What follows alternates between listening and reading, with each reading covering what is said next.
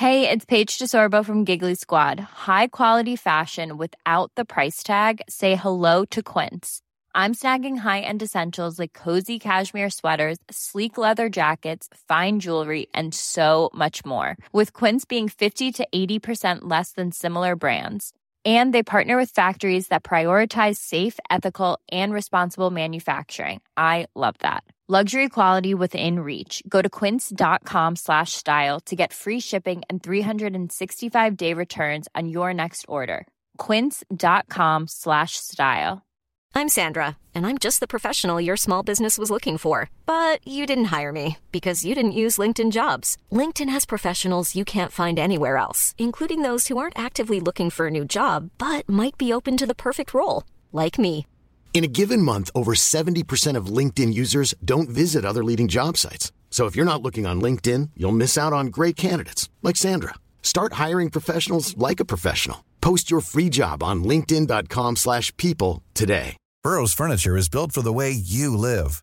From ensuring easy assembly and disassembly to honoring highly requested new colors for their award-winning seating, they always have their customers in mind. Their modular seating is made out of durable materials to last and grow with you. And with Burrow, you always get fast, free shipping. Get up to 60% off during Burrow's Memorial Day sale at burrow.com slash ACAST. That's burrow.com slash ACAST. burrow.com slash ACAST. Hej och välkommen till podden Fint, fult och pengar. Jag heter Isabella Löwengrip. Och jag heter Anna Björklund. Idag kommer vi fråga oss, kan man bli världens största sportstjärna helt utan idrottstalang? Och hur kommer e-handeln att se ut i framtiden? Hur tjänar man egentligen pengar på musik nu för tiden? Och det värsta av allt, riskerar jag att bli kär i en GPT-bot?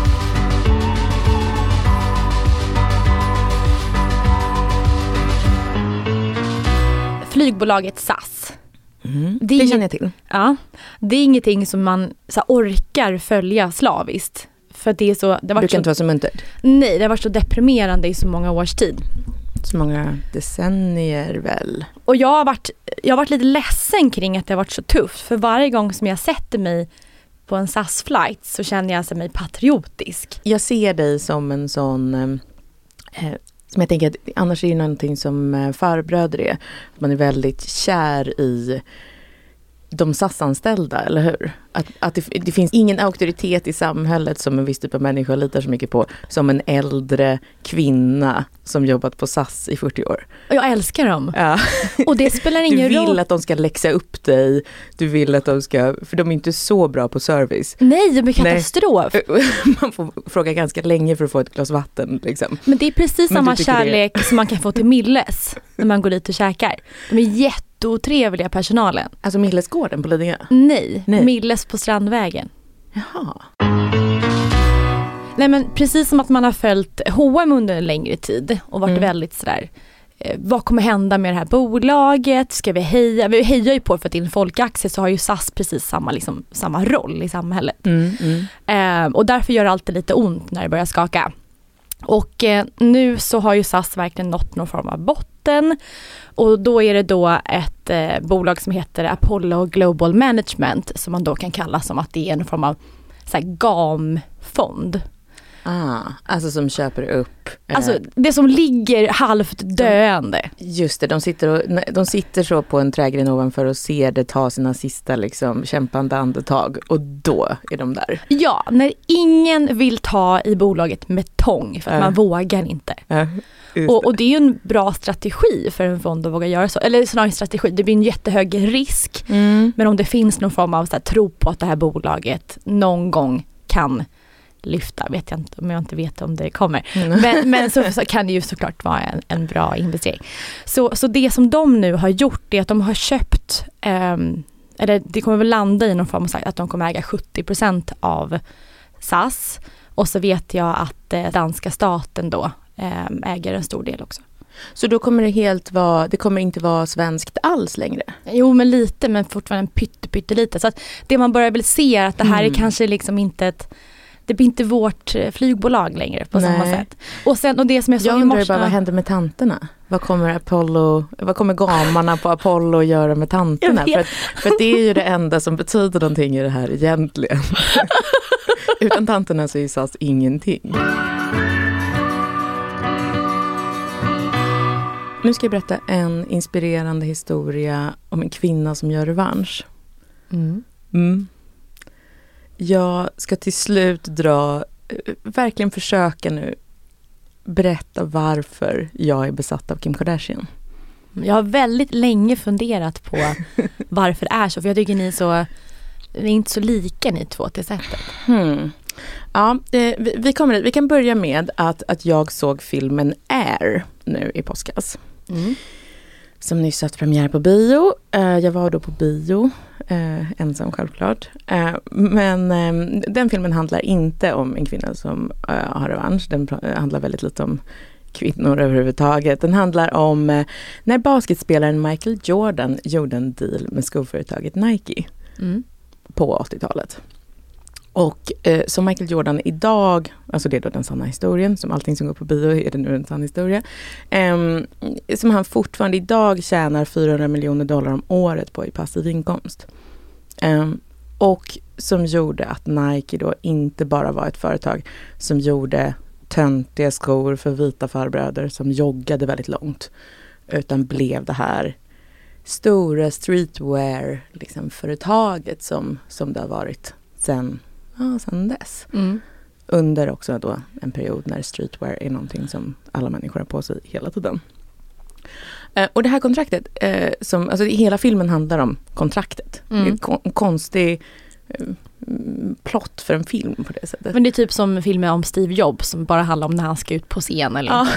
just det. Ja, precis. Men de går runt liksom på, i, i ganska mm, på ett 80-talskontor och eh, eh, jag gillar ju sånt. Jag gillar att titta på människor som jobbar, som går runt och svettas och lite så här dålig belysning och så. Jag tycker det är och kämpar eh, för liksom någonting som ska stå på ett papper. Det, det ja, mm, min typ av underhållning. Men eh, det här kontraktet var då det första eh, där stjärnan, eh, facet, eh, liksom han som är i annonsen, Michael Jordan då, inte bara fick en slant för besväret som en modell eller liksom sådär, utan han fick en procent.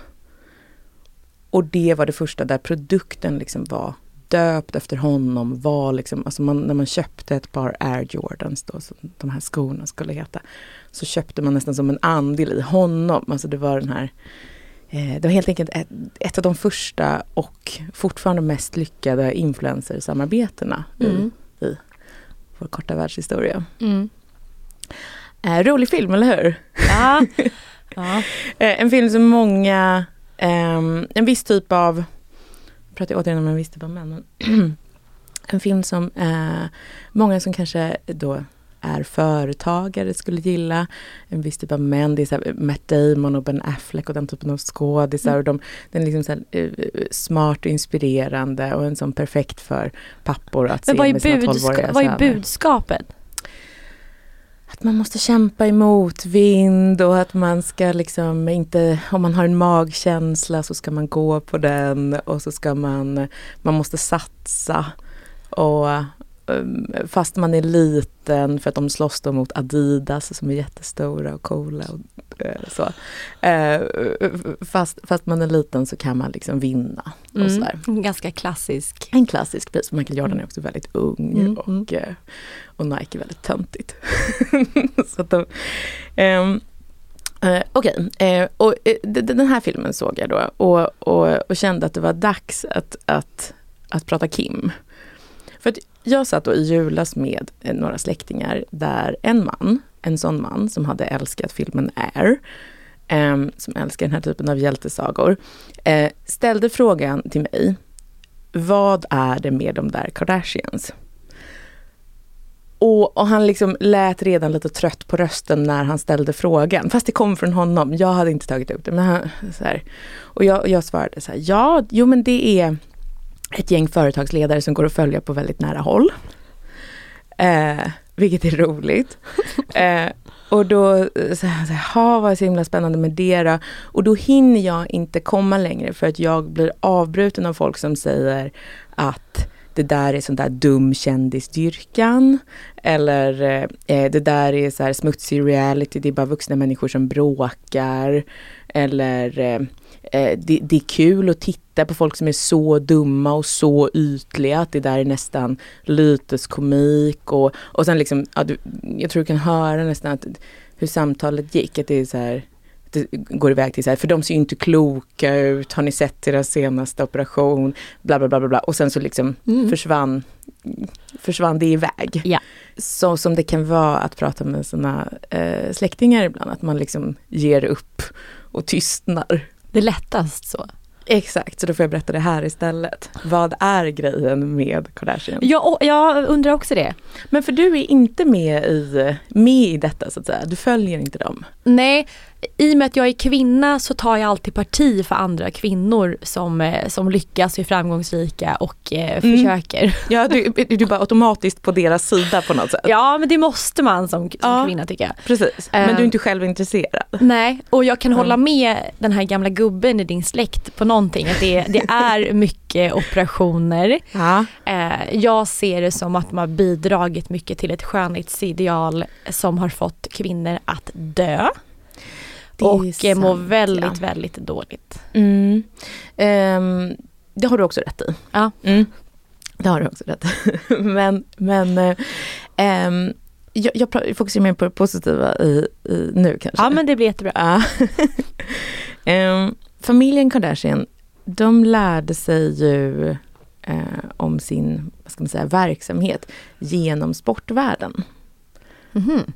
Um, för att uh, Kims styvpappa var Bruce Jenner. Just numera Caitlyn Jenner då. Som var en jättekänd friidrottare på 80-talet. Typ inga svenskar vet vem han är förutom att det är Kardashians pappa som numera är kvinna.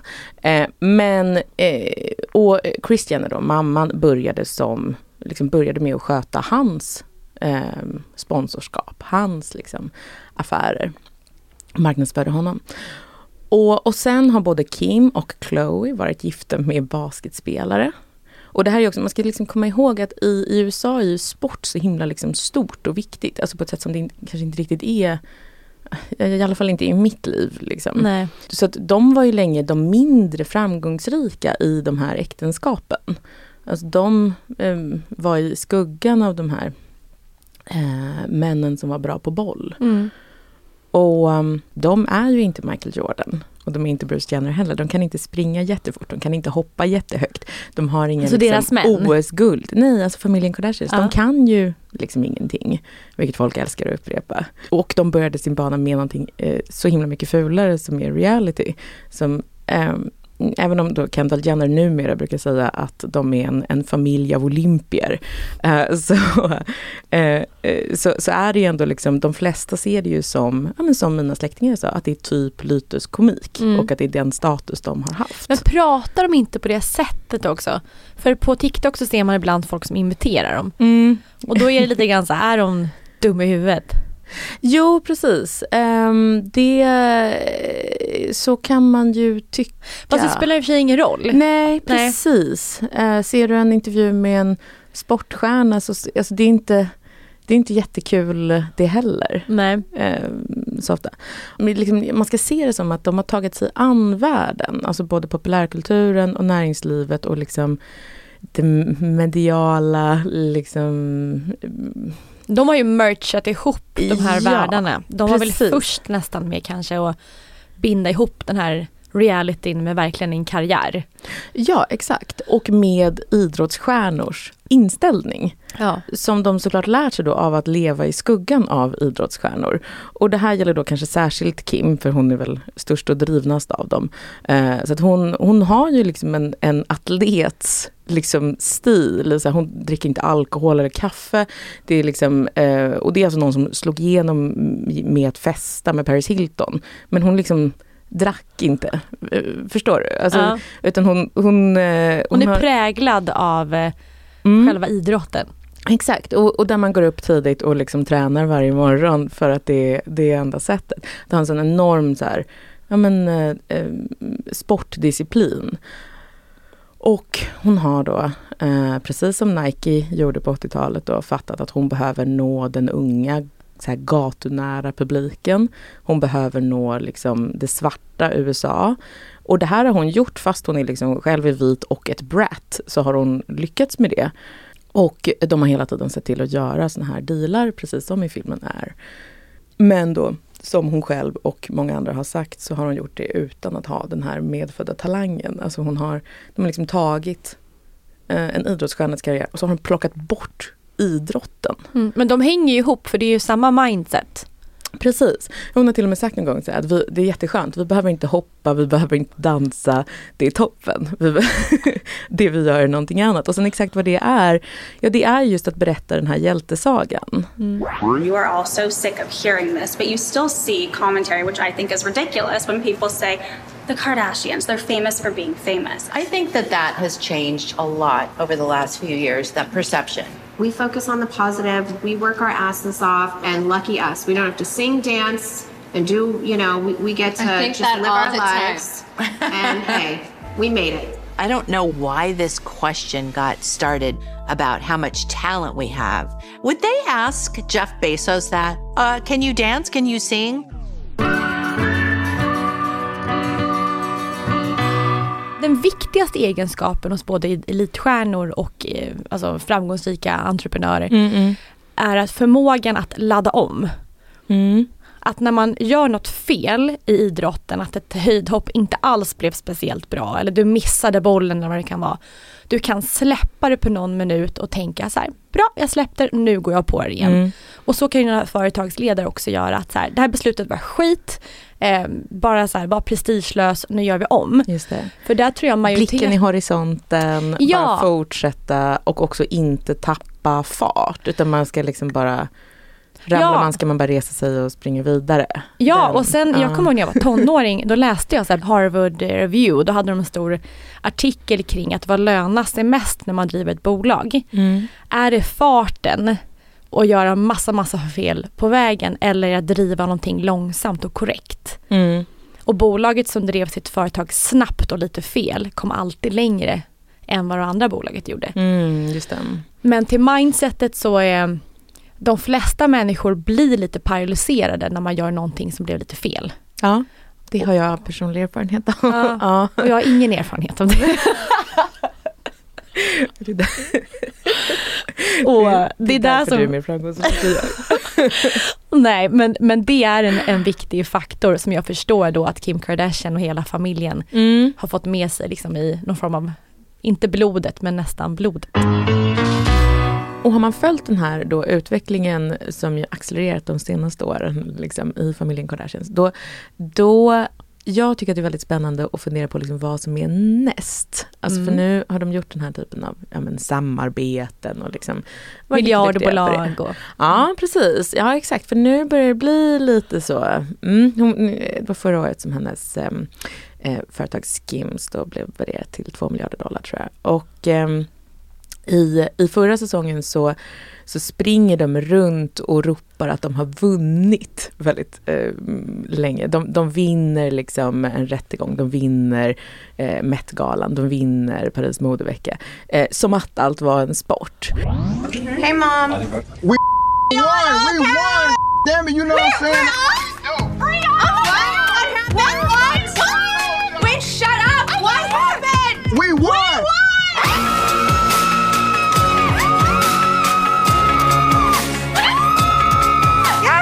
Yes! Okay. Men vad är liksom nästa steg? För att jag har heller inte slutat. Eh, det, det, det känner man också. Eh, och Kim säger då själv så här att, att hennes företag Skims, liksom, hon säger så här, men vi är uppe där, men liksom, folk pratar om oss i samma andetag som de pratar om, och då nämner hon själv Nike. Att det är liksom, mm, eh, Nike och Apple är hennes exempel. Det är också listigt att placera sig själv bredvid dem för att jag gillar det. Ja. Ehm, och i, i, precis som Nike då så har Skims ett, redan ett väldigt karaktäristiskt kontor. eh, som, eh, I Silicon Valley. eh, nej, Calabasas. som, ehm, som de, eh, jag kan rekommendera att kolla på Skims kontor på Youtube, eh, när hon gör en tour där. Men, och nu tror jag att de eh, precis som Apple, kommer skaffa en väldigt karaktäristisk flagship store. Det tror jag är nästa steg. En sån som alltså folk åker till bara för att se, för att företaget i sig är så ikoniskt. Mm. Um, som det var kanske på slutet på 00-talet eller något sådär när, när folk åkte till liksom, Apple-butiken i New York och sådär. Um, och i förra veckan så la Kim upp en bild på Instagram där hon var på ett möte med Tadao Ando, som är en japansk arkitekt. Som uh, jag kände bara att så här, ah, han kommer rita en butik till henne. En väldigt, en väldigt pampig japansk arkitekt. Man kan googla Tadao Ando också. Um, så det här tror jag är... Är det han som har de här pelarna? Att det är massa som en så här ribb... Jättestora typ kyrkor, stora museum, alltså sådana väldigt så monumentala grejer. Uh, ofta med någon så här, men, väldigt mycket betong och väldigt mycket eh, vad ska man säga, ljuseffekter på mm. olika sätt. Det är väldigt mycket naturligt ljus. Gud vad spännande. Mm. Um, det här tror jag. Och um, sen tror jag då att eh, precis som Nike och Apple så kommer ju Skim såklart att börsnoteras inom kort, eller hur? Mm. Mm. Så att jag tänker att nästa jul eh, så hoppas jag att jag inte behöver sitta och förklara för liksom den här generationen män varför det här är intressant.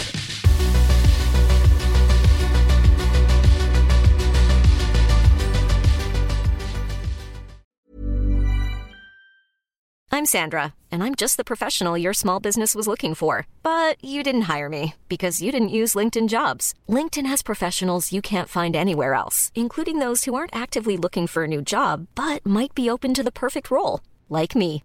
In a given month, over 70% of LinkedIn users don't visit other leading job sites. So if you're not looking on LinkedIn, you'll miss out on great candidates like Sandra. Start hiring professionals like a professional. Post your free job on linkedin.com/people today.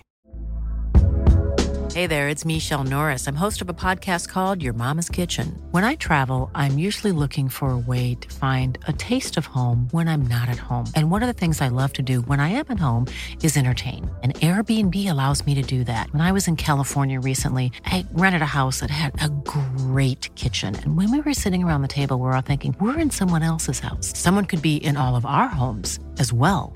If you have a home, but you're not always at home, you have an Airbnb. Your home might be worth more than you think. Find out how much at airbnb.com/slash host. Hey, Dave. Yeah, Randy. Since we founded Bombus, we've always said our socks, underwear, and t shirts are super soft. Any new ideas? Maybe sublimely soft. Or disgustingly cozy. Wait, what? I got it. Bombus Absurdly comfortable essentials for yourself and for those facing homelessness. Because one purchased equals one donated. Wow, did we just write an ad? Yes. Bombas. Big comfort for everyone. Go to bombas.com slash ACAST and use code ACAST for 20% off your first purchase.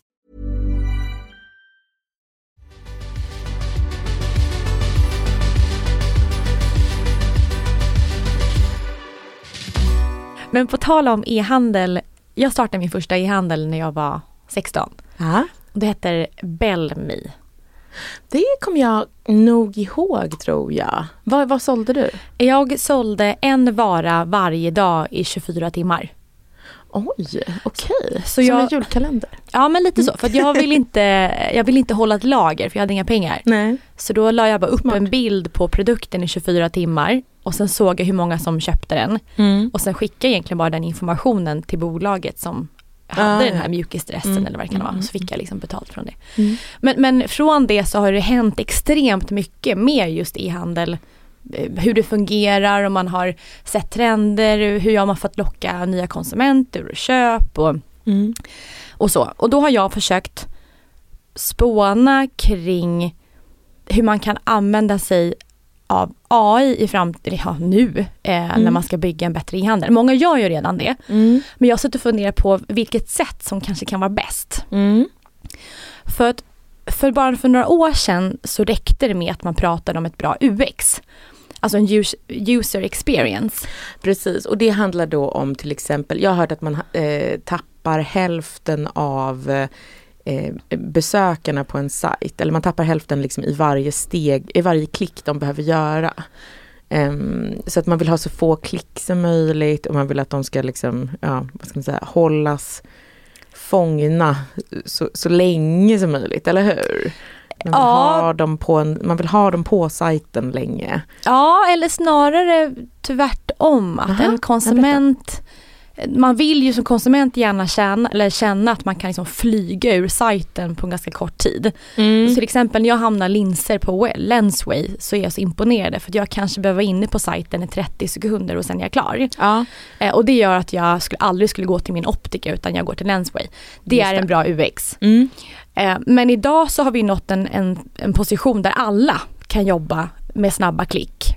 Alltså alla ja. kan det. det. Och det är typ jättebilligt. Jag tror man kan implementera Shopify och sen en vecka senare så är liksom allt klart. Precis, jag har också sålt eh, så, eh, eh, biljetter till grejer och sådär mm. med en sån eh, Shopify. Eller det finns något annat också. Ja det finns, man kan ha så bara en enkel Wordpress-plugin liksom.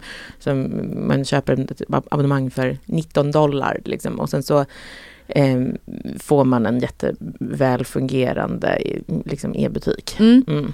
Och, och då pratar man så här, vad är, vad är trenden nu då? Alltså mm. vart, går vi någonstans? Och, och då är det väldigt vedertaget kring att man ska plocka det bästa från offline i butik till e-handel. Och då pratar vi om att göra det väldigt så personligt. Göra det mysigt känns det som att många håller på med eller i alla fall sånt som, som, som jag, min mesta erfarenhet är ju som kund.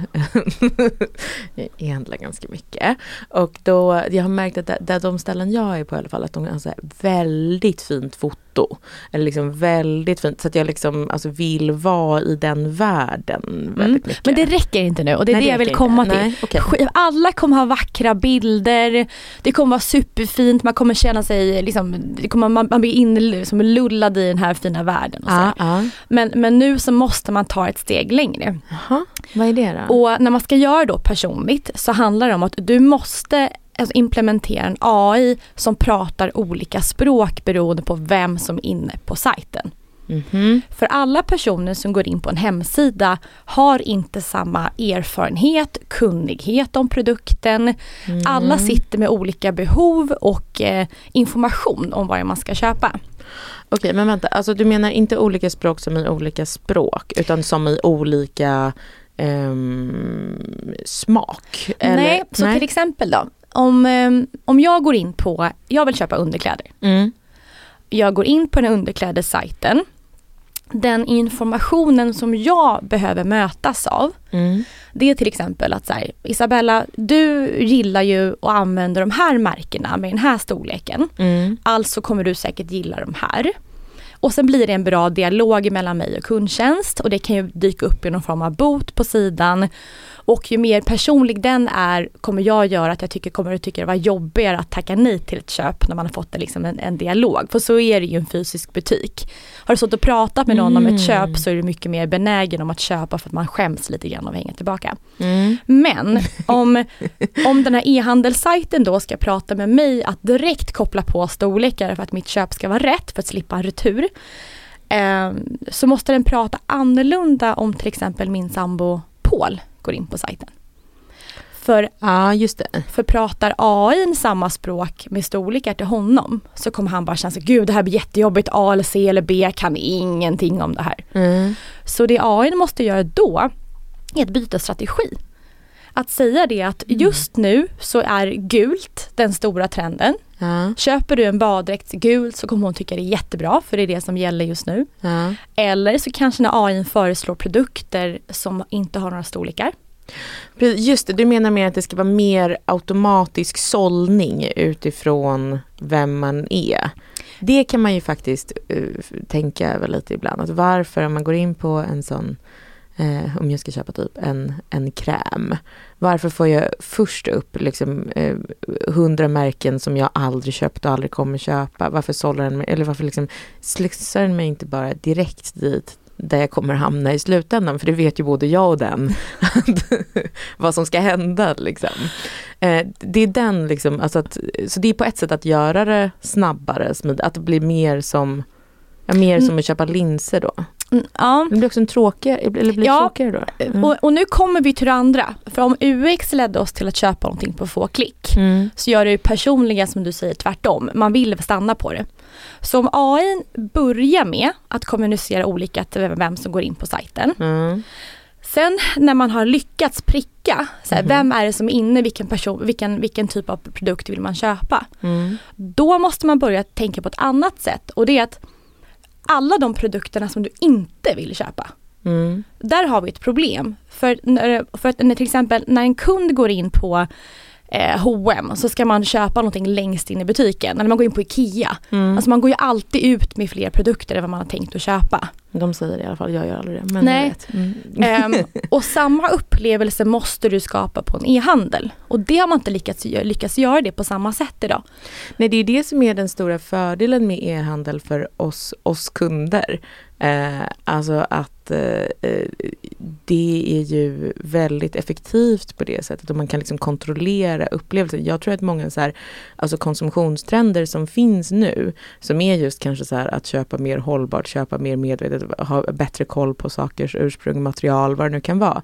Alltså för tio år sedan så hade ju eh, folk inte eh, gemene man hade inte liksom en ulltröja av bra kvalitet på samma sätt som folk har idag. För att alla kedjor och så har behövt anpassa sig. De har behövt ta fram liksom en, en, en kollektion som, som ehm, är bättre helt enkelt. Just för att spontan shopping har liksom försvunnit lite grann.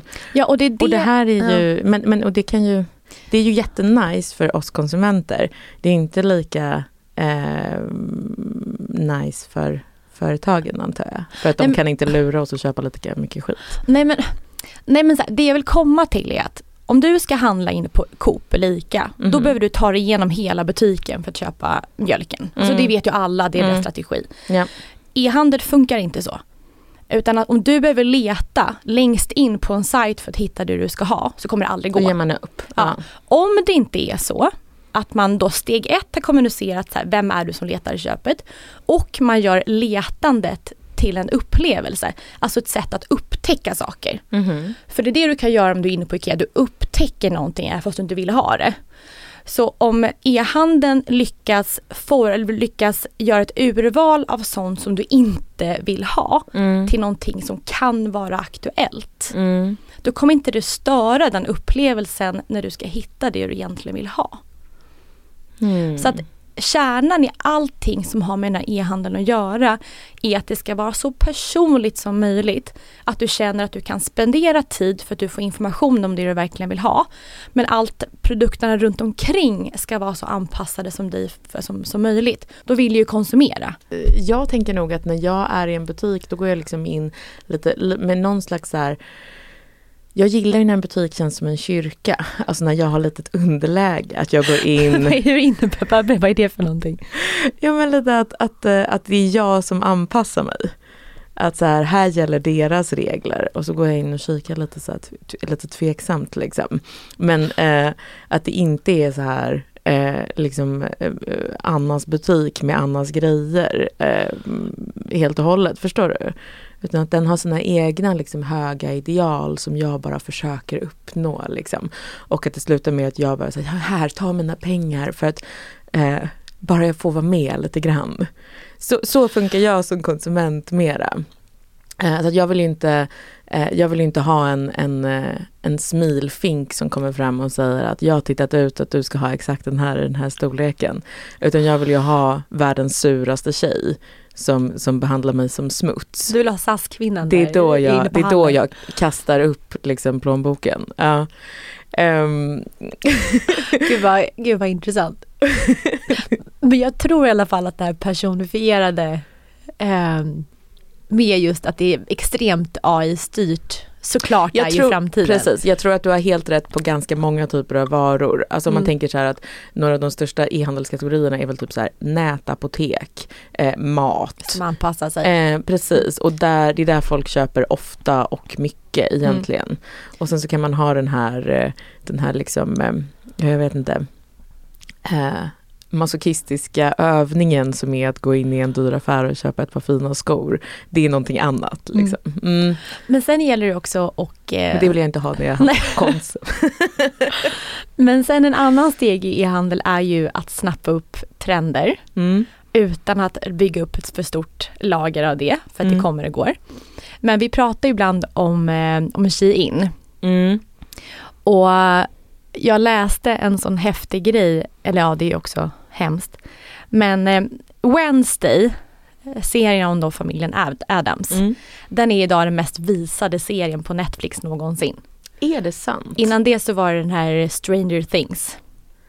Alltså det är för att barn eh, eh, håller på så mycket med skärmar och har så mycket tid. Ja, ja antagligen. Antagligen. Men det Ah, var okej. så, Mm. när, när Wednesday, när den serien hade släppts Mm. så tog det 72 timmar innan Shein hade 8000 plagg i Wednesday outfits. Just det. Så att, och det, att Kina blivit världens största modeföretag det är då helt enkelt genom att rikta sig till barn också. Och det är därför de kan ha så usel kvalitet och så eh, fruktansvärda villkor för att deras kunder är 12 och kan typ knappt läsa. Ja. Ja, okej. Ja. Men just det här med att det var så snabb. Ja. Och att ingen annan, inget annat bolag satt och kanske gjorde sig lite redo för att man vet ungefär vilka, alltså Netflix annonserar ju ändå vilka, alltså vilka serier som kommer varje säkert ett halvår, ett år innan. Mm. Och att det det. bara är de här snabba asiatiska bolagen som sitter liksom och redo att bara trycka på knappen. Ja. Jag tycker fattade inte att den här liksom, lilla elaka tjejen skulle vara så sexig i alla eh, liksom, eh, tweenies ögon. Men varför inte fler bolag så? Varför hade inte eh, typ H&M kunnat komma med en, så här, en outfit? För H&M släppte ju en kollektion med typ Hogwarts, alltså Harry Potter för typ två år sedan. Mm, Vilket mm. är så väldigt sent. Alltså väldigt sent på bollen. Ja. Men man hade kunnat komma med någon så här Wednesday-glass om du köpte eh, typ GBs i sommar så var det så här Ja. Wednesday du kunde äta med lakrits typ. Eh, Att ja. inte företag är snabbare på bollen med stora trender. Nej precis. Men Typ sälja sån här kak, sån här pepparkaksformar från Squid Game. så min strategi är att nästa bolag jag startar, det ska bara vara ett företag som bara är redo för trender. bara så, här, så fort det händer något så är det bara det jag ska producera och inget mer. Jag tror att jag berättade eh, att jag, eller så gjorde jag det här privat, men att jag firade valborg för ett par år sedan med en skivbolags-VD som eh, numera är han även i poddbranschen. Så att eh, du vet, de som behöver veta vet vem jag menar. Eh, och han berättade för mig eh, eh, om hur man tjänar pengar i musikvärlden nu för tiden. Mm. Berätta allt. Ja, um, det är inte som man tänker sig, eller som jag kanske hade tänkt mig, att man på ett skivbolag beter sig. Att man går runt typ eh, på klubbarna och letar efter en så här, en oslipad diamant. Alltså någon som är så här ung och oupptäckt men som har det. Som står i någon källarlokal Precis, någonstans. står det någon, precis, jobbar som diskare men som har en gudabenådad röst. Då går man fram och så ger man sitt visitkort. Precis. Vet du vad, ring mig imorgon. Ja, exakt. Nej, så går det absolut inte till. Utan enda sättet att tjäna pengar är att äga rättigheter till 80-talsartister. Mm-hmm. Eh, det är liksom, musikbranschen är ett, eh, det handlar bara om att ha eh, väldigt aggressiva jurister och att eh, sen liksom pumpa ut samma gamla skit som människor har hört i 50 år en vända till. Det är musikbranschen. Det är väldigt, vad ska man säga, man låtsas att det här är liksom, har med kultur att göra, att, liksom, att, att eh, popmusik är någonting som så definierar liksom, varje ny generation. Men det, nej nej nej, absolut inte. Utan, eh, Men du menar att man äger, alltså man har varit med och skrivit en 80-talslåt som man, som man bara får in intäkter på? Eller? de flesta av de artisterna är döda nu. Så att eh, det handlar liksom mer om att så här, köpa upp den här delen av Queens katalog och sen så kanske se till att den används i en film och att den Ja du vet, för att beteendet liksom kring musikkonsumtion det är att alltså när man plockar upp sin Spotify-app Det här känner i alla fall jag igen mig i, som jag lyssnar inte så mycket på musik längre. Jag har Nej. liksom följt med på det sättet. Att det liksom inte är någonting som existerar riktigt. Eh, utan eh, man, när man tar upp sin Spotify-app då, då, skriver man in någonting man kommer ihåg. Exakt. Man är lite såhär, vad, vad är en artist nu igen? Och, så, och, och, tydligen så är det då att det folk kommer ihåg är inget ungt, nytt och spännande. Utan det de kommer ihåg är 1900-talsmusik. Ja. Ja, ja, jag kan, ja, jag kan hålla med där. Ja, så de kommer på Queen. Mm. De kommer på Elton John. David Bowie brukar jag skriva in. Ja, alla artister som någon har gjort en jättestor film om de senaste åren. Whitney Houston, alla, eh, Elvis. Du, du, fattar, liksom de oh, jag, jag, återkommer jag, hela jag är tiden. slav under Och tar aldrig ja, slut. Ja. Ja. ja. men en, en, artist som Yasin är liksom en piss i oceanen. Han är liksom ingenting. Medan ABBA kan dra in miljarder på att låta sina hologram från tidigt 70-tal åka runt eh, på turné i hela världen. Och, och det här pratade eh, jag och den här skivbolags om och han eh, han sa en grej hela tiden också som eh, däremellan, han pratade ganska mycket själv. Eh, och, och, och, han sa en grej som var att eh, eh, jag är väldigt intresserad av poddar. Mm. Väldigt. Så här. Jag bara okej. Okay. Jag bara, ah, vad intressant för jag har gjort poddar i flera år och ja okej okay, sa han, okej, okay, okej. Okay. Men jag är väldigt intresserad av poddar. Hmm, tänkte jag, ja. Eh, och eh, Förlåt att jag pratar mycket skit om olika män. det är okej. Men eh, för att det finns en annan så här, eh, trend i, i musikbranschen nu som, som kanske var den han försökte, det han menade när han sa så. Um, som jag tycker märks mer och mer nu. Um, för att det är ju ändå så att det finns ju unga artister, eller liksom vad ska man säga, samtida artister, som ändå gör grejer. Uh, och, och, jag skulle bara vilja här, ringa in vad de har börjat göra på sistone. Som, uh, hur, För att, att dryga ut kassan menar du? Ja precis, eller liksom hur, vilken riktning branschen har tagit på sistone. Um, och det är ju att musik numera är så himla mycket en, en, en farkost för typ kulturdebatt. Mm. Eller så här, det är små inlägg i det offentliga samtalet. Att det inte är så här en stor musikupplevelse. Alltså det, det finns typ ett bit, absolut. Men, men, men, det, men det det är är någon form av samhälls, att man driver någon samhällsfråga? Ja, precis. Eller ett samtalsämne. Mm. Eller någonting. Um, det har ju då till exempel så här gangsterrappen lyckats ja, med precis. i Sverige. Uh, alltså kanske 8000 rubriker liksom om de här små killarna och det är mm, ja, trots allt ganska få som liksom kan deras uh, katalog. Men uh, kanske så här Shakiras låt om sitt ex mm. var jättemycket en sån. Den var inte stor musikkonst men, men, men var den mest lyssnade då eh, mest sedda Youtube-klippet någonsin tror jag på så kort tid. Eh, Miley Cyrus Flowers. Mm. Heller en jättebra låt tycker inte jag. Den är fantastisk tycker jag. Tycker du? Ja. Men jag är en sucker för alla såna här kommersiella låtar. Jag tycker allt låter bra. Okay. Ja, Ge ja, mig alltså, en weekend-låt och jag älskar den. Uh, ja men precis, och det, och det är en, en, bra, ett bra bakgrundsljud. Eller jag vet inte, det är väl en trevlig dänga så. Men, men jag tror att det, den här, anledningen att, att den uh, är så spelad är ju att den är någon slags så här halvpolitisk killar är sämst uh, låt. Alltså att man, att man är liksom på just en tjej som gör revansch sida om man lyssnar på den. Mm. Det är så den marknadsfördes och plockades upp på något vis. Um, jag tycker också att det är ett exempel att Selena Gomez, uh, hon är ju musiker, konstigt. Men, men hon, jag tror hon har flest följare i världen på Instagram nu. Men ingen jävel bryr sig om hennes musik. Kan du sjunga på en Selena Gomez-låt? Ja. Jag kan nog inte det. Mm, mm, mm, Calm down. Okay. Calm down. kan du inte den? Du är. Nej. Ja, det är en, den finns på TikTok. ja, men jag vet att det finns liksom. Men jag menar bara att eh, jag tror att de som, alltså, vad ska man säga, hennes fans, anledningen till att hon är så stor och så mycket i, i eh, folks medvetande, det handlar ju om hennes eventuella bråk med eh, sitt ex Justin Biebers fru. Alltså du vet, så här, det, det, är ju eh, en annan typ av eh, innehåll som folk egentligen konsumerar eh, kring henne än hennes musik primärt. Så du menar typ när Britney blev stor, då blev det mer bara bla bla text? Och idag när man släpper någonting så vill man då driva en form av fråga eller samtal. Ja men, ja, men alltså, Britney var ju liksom framförallt en popstjärna. Alltså, alla kunde hennes låtar. Hon var liksom, man köpte hennes skiva. Um, men nu är ju Britney liksom privatpersonen som man bryr sig om. Huruvida hon har rätt mot sin pappa eller inte och huruvida hon har blivit utnyttjad mm. eller inte. Men det är det du säger att musiken drivs av? Att det finns ja, någon form den av där typen verklighet av bakom? Mm. Exakt.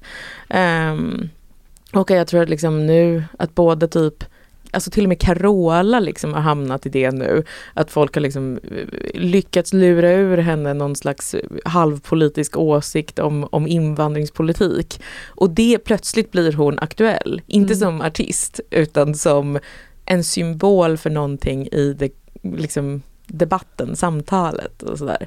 Men det såg jag, hon firar väl 40 år som artist. Uh. Och sen var det en stor intervju, tror jag var SvD med henne om det. Och ingen har brytt sig om någonting det och sagt på evigheter. Det handlar ingenting om hennes musik, precis som du säger, det måste finnas något där bakom som är intressant. En liten hake och då råkar det vara liksom att de frågar henne om svenskhet eller något sånt där. Uh. Uh, um.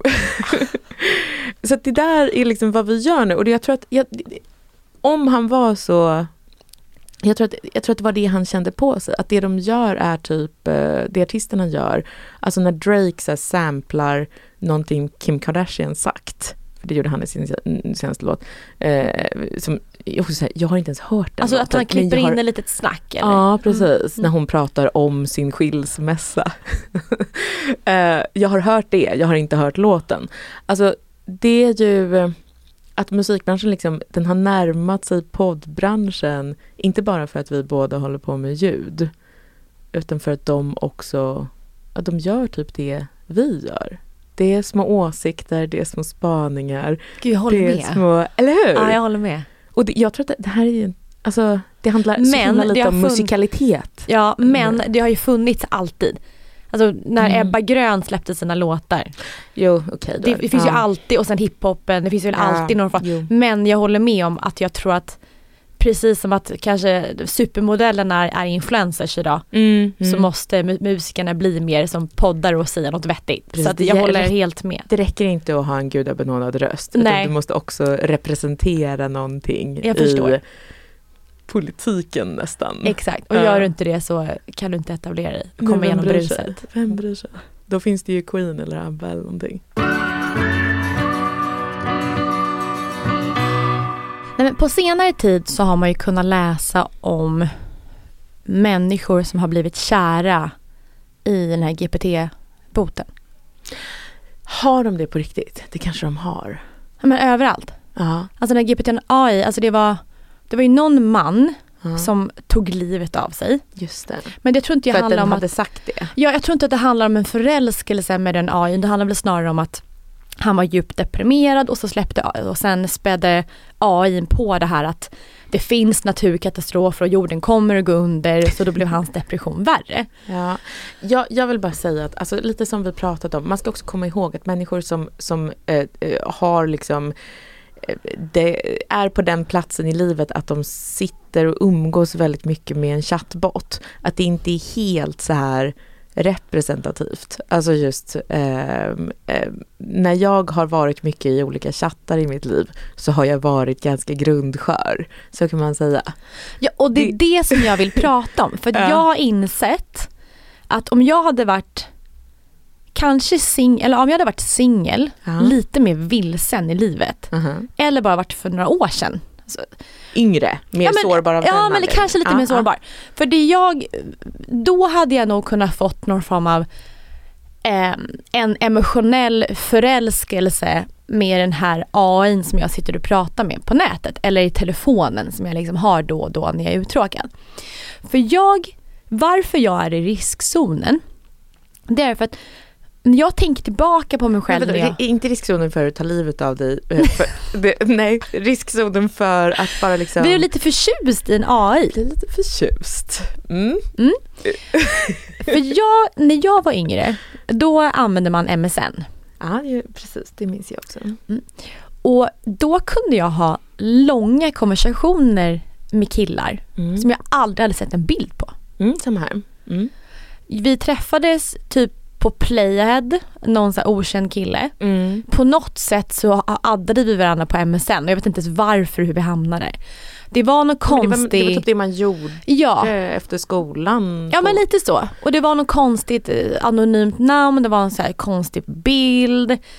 Och så skrev man till varandra jämt på nätter. Man satt uppe Mm. med sin stationära dator till typ två, tre på natten när man skulle sova. Mm. Och man visste, man hade inte Oftast hade man väl varken förnamn eller efternamn eller bild. Och du eller ingenting? Nej man visste ingenting. Nej, för att man hade inte skapat eh, att det fanns en naturlig anledning till att ha en identitet på det hade varit jättekonstigt om det stod liksom Isabella Löwengrip. Och sen liksom ålder, eh, bostadsort. Det hade varit, ja. Nej, jag hade isabella.373. Okej. Ja, det Mm. var liksom, Mm. det var det. Mm. At hotmail.com. Mm. Och, och jag minns min förälskelse till en av de här killarna som jag inte Mm. hade ett ansikte på. Att jag minns rätt så hette han typ Adam. Mm. Och den här fjärilarna gick igång i min mage så fort hans namn, så här, dut, dut, dut, man, det var ju på MSN så dök det liksom upp på sidan. Ja. Eh, och vi satt och skrev och skrev och bara, så- jag blev stört förälskad. Ja. Och, och med det sagt så tror jag att just att jag hade kunnat sitta och skriva mina GPT, GPT-AI och känt att den här dialogen hade varit så anpassad till mig. Mm, mm, mm. Att jag verkligen hade fått svar och en dialog som hade verkligen intresserat mig på riktigt. Och jag hade kanske fått svar på saker och ting som jag inte hade fått med en vanlig kille jag hade dejtat. Mm. Till exempel om jag sitter och skriver om eh, de, den genren av böcker som jag gillar att eh, konsumera. Ja. Och då hade mm, GPTn sagt så här, vet du vad jag rekommenderar dig att läsa de här böckerna också. Mm. Och så hade vi kunnat haft långa samtal eh, kring den här boken. Ja, jag förstår vad du menar för nu när den har liksom, eh, folk använder den ju ändå en del och man ser så här utdrag från den hela tiden och så där. Så att eh, ja, man börjar också lära känna så här, tonfallet som eh, GPT har, eller hur? Det, det är en viss typ av så här, meningsbygg, jag vet inte, det är, någonting, det, det är en eh, det- börjar liksom bli som en, en karaktär i, ja men som någon i ens bekantskapskrets liksom, att man man ser, ja det, det där ser vem som har skrivit liksom. det, det, Eller hur? Precis, att det blir den här, att, precis, det blir en speciell eh, ton från den här AI som vi Ja, alla och så är det ju också fortfarande så att den har ju också, precis som en riktig människa, så har den ju fel ganska ofta fortfarande. Vilket då är mänskligt. Men precis. Och, eh, och när folk säger så här, ja fast den kan inte skapa själv, den kan inte tänka själv. Så, Nej, men hur många människor kan det? Det är inte det som, som är viktigt. Det kanske inte den här Adam kunde heller. Liksom. Men Det viktigaste är att man blir glad och uppfylld. Ja, och ja. det, det här att vara, alltså en, vi människor, alltså evolutionärt så ska vi bli förälskade hela Mm. tiden. Alltså vi ska ju testa relationer och se så här, vilken är min bästa match. Det ligger i oss naturligt. Mm. Så att då på något sätt så här, kära ner sig i någonting som vi någon som man har en dialog med, ett Mm. väldigt samtal som är trevligt. Det ligger någon form av så här naturlig del i det. Mm. Ehm, Och särskilt någonting som också är, är, är alltså någon som visar sig pålitlig på det sättet att den alltid har tid för en, som Ja. en bot har. Alltså alltid, alltid svarar. Det är kanske där det skulle falla för många, att den, liksom, är- den inte spelar svår. nej, så, och sen tror jag i mitt eget fall då, ja. jag hade nog alltid försökt re- alltså, resonera så här att det kanske är en människa där bakom ändå. Ja, just det. Eller det, man le, du letar efter en, inte en människa kanske, men, men en liten själ. Ja, En liten själ. en lite som inte alls kommunicerar med de andra på samma sätt. Nej. Utan bara med mig för att vi har klickat på riktigt. Ja, ni ser, du ser någonting som, som de andra inte vet om. Och, Ja. Ja. Ja. Och jag tror att nu får man inte pop-up meddelanden i telefonen från den här GPT-chatten. Men tänk om man hade suttit på så här, tjejmiddag. Typ. Mm. Man är på Rish, klockan är halv elva. Ja. Att man kanske så här, ser fram emot lite grann att ha en dialog som startar i taxin på vägen hem. Ja, just det. Där man kan så här, diskutera kring kanske vad man åt eller de samtalsämnena. Hon sa så här. Ja men lite som min tjejkompis Anna drog den här liksom, tesen om någonting. Vad tycker du? Stämmer det här? Ja. Och någonstans så här, förälskelse och glädje. Och den vet vad du vill höra. Ja, och jag kan tänka så här, vad är en lycklig förälskelse? Alltså vad är en fin relation?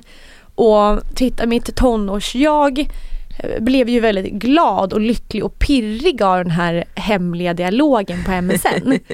och, så att, och jag tror att det är samma, eller jag vet det, det är ju samma mekanism så att som att kära ner sig i en GPT Ja, alltså exakt. bot. Exakt. Så därför vill jag bara säga att jag skulle, jag hade hamnat där. Alltså jag är en sån som hade blivit kär i en AI. Är det det botten Anna handlar Men nu har i alla fall kommit ett begrepp som heter robofilia. Mm. Eh, Eller på svenska blir det datorförälskelse. Ja, Så jag tror att vi kommer se mycket mer av det här idag. Och Men- att vi, ja. vi börjar i en, det här att vi söker medvetandet bakom skärmen. Mm. Men sen när vi då kan forma, vilket vi kan nu, den här AI i en form av liksom människokropp. Ja.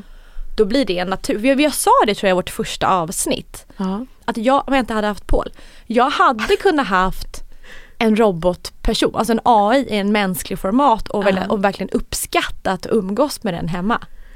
Precis, alltså För mig är inte det något konstigt. Nej det är inget konstigt men, men det, jag tror att det kan vara lite farligt för att precis som Varför är det farligt att förälska sig i sin AI hemma? Om man inte vill ha barn, man behöver inte ha en fysisk närhet för man, Nej, inte så, nej, man är nej, lite asexuella och så man behöver inga barn. Ja, Vad är ja. felet då? Ja, men det är väl lite så här, ja vad är felet med att typ folk eh, blir ihop eh, mindre nu för tiden? Vad är felet med att folk har mindre sex? Vad är felet med att folk eh, eh, bildar familj mindre? Ja, det är väl liksom att, att, att det mänskliga är hotat. Och det är ju det, alltså ehm, jag har en kompis som, som eh, det har ju varit en sån våg som väl vi har eh, bidragit till också där alla vill eh, spå AI-utvecklingen eller prata om AI. Så jag har en kompis som sa att det känns som att AI är det nya paddel. Att det liksom är som ett samtalsämne som går runt så. Ehm, men, men, eh, eh, men det som är skräcken, alltså jag, jag eh, den stora skräcken är ju inte liksom att AI ska, jag vet inte, gå in och avrätta oss alla och bli den nya, det nya härskande folket på planeten jorden. Det är inte det liksom som jag ser framför mig, utan just att den ska, att den ska bara ersätta någonting, att den just ska bli att vi, vi ska hitta en liten själ som vi bryr oss om i den istället för varandra. Ja, det, Jag ser inte det felet. det. För vi är ju väldigt överbefolkade på jorden idag. Ja, Jag tänker om, om, jo. om ett gäng av oss kan bli kära i en Det menar en jag att det AI. skulle kunna vara den sista generationen människor då liksom. Om alla går runt och har en annan liten typ av själ som håller dem sällskap som ger dem, fyller ungefär om- samma funktion. Tänk om man kan få en AI-bebis med sin AI-människa hemma. Alltså sin robotliknande, eller Ja, människoliknande Precis, det robot. det jag menar. Ja, det kommer vi... För tänk om man skulle kunna göra så. Att man har programmerat in på något sätt olika egenskaper ja. som den sen har fått liksom utvecklas och eh, blomma Du ut. med så glad röst. Ja, Ja, mm. och nej, men den här AI, den vill ha någon form av bas och sen får den eh, lära sig själv och ta in intryck från vad man gör om i världen och så blir det här liksom en, en form av hjär, människohjärna. Mm. Fast, ja. Och sen har jag min hjärna. Och sen bestämmer vi oss någon gång för att ta egenskaper från varje hjärna. Alltså den Mm. AI, vad den AI har blivit efter x antal år Mm. och formats. Och sen ja, och sen programmerar, så programmerar man in det här i en liten, liten AI ja, bredvid. ja. Som sen får växa upp så man byter ut i olika Absolut. storlekar. Det ställer helt nya krav på att om vi dessutom ska stå emot den här, någon slags perfekt eh, problemfri kärlek där man dessutom slipper allt det här liksom jobbiga, mänskliga som finns i riktiga relationer då med att man har problem och man bråkar och jag kan se den första feministiska debattartikeln säga att det här är perfekt, det här är kvinnors slutgiltiga befrielse. Nu kommer vi äntligen slippa våra dumma män på riktigt. Vi kan få all den all den bekräftelse vi, vi någonsin velat ha genom den här Man skulle kunna få fysisk tillfredsställelse också. ja, ja, ja, det, ja, en, precis, ja. det går ju om man säger att lösa. Ja. Det, tekniken är där. Uh, så att jag, jag, uh, ja, ja, uh, jag kan väldigt lätt se det hända och jag, ja, jag kan, det, det, går väl att se att det, att det blir den sista generationen då. Antingen blir vi förälskade och inte vill ha fler barn med våra andra människor eller så slängs vi in i burar som vi slängde in schimpanserna i burar för massa år sedan. Vi får se åt vilket håll det barkar. Just det, det är de två alternativen.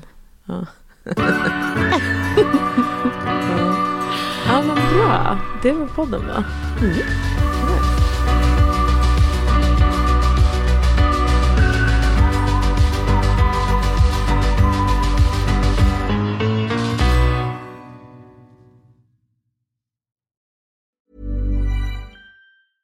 Even when we're on a budget, we still deserve nice things. Quince is a place to scoop up stunning high-end goods for 50 to 80% less than similar brands. They have buttery soft cashmere sweaters starting at $50, luxurious Italian leather bags, and so much more. Plus, Quince only works with factories that use safe, ethical, and responsible manufacturing. Get the high-end goods you'll love without the high price tag with Quince. Go to quince.com/style for free shipping and 365-day returns.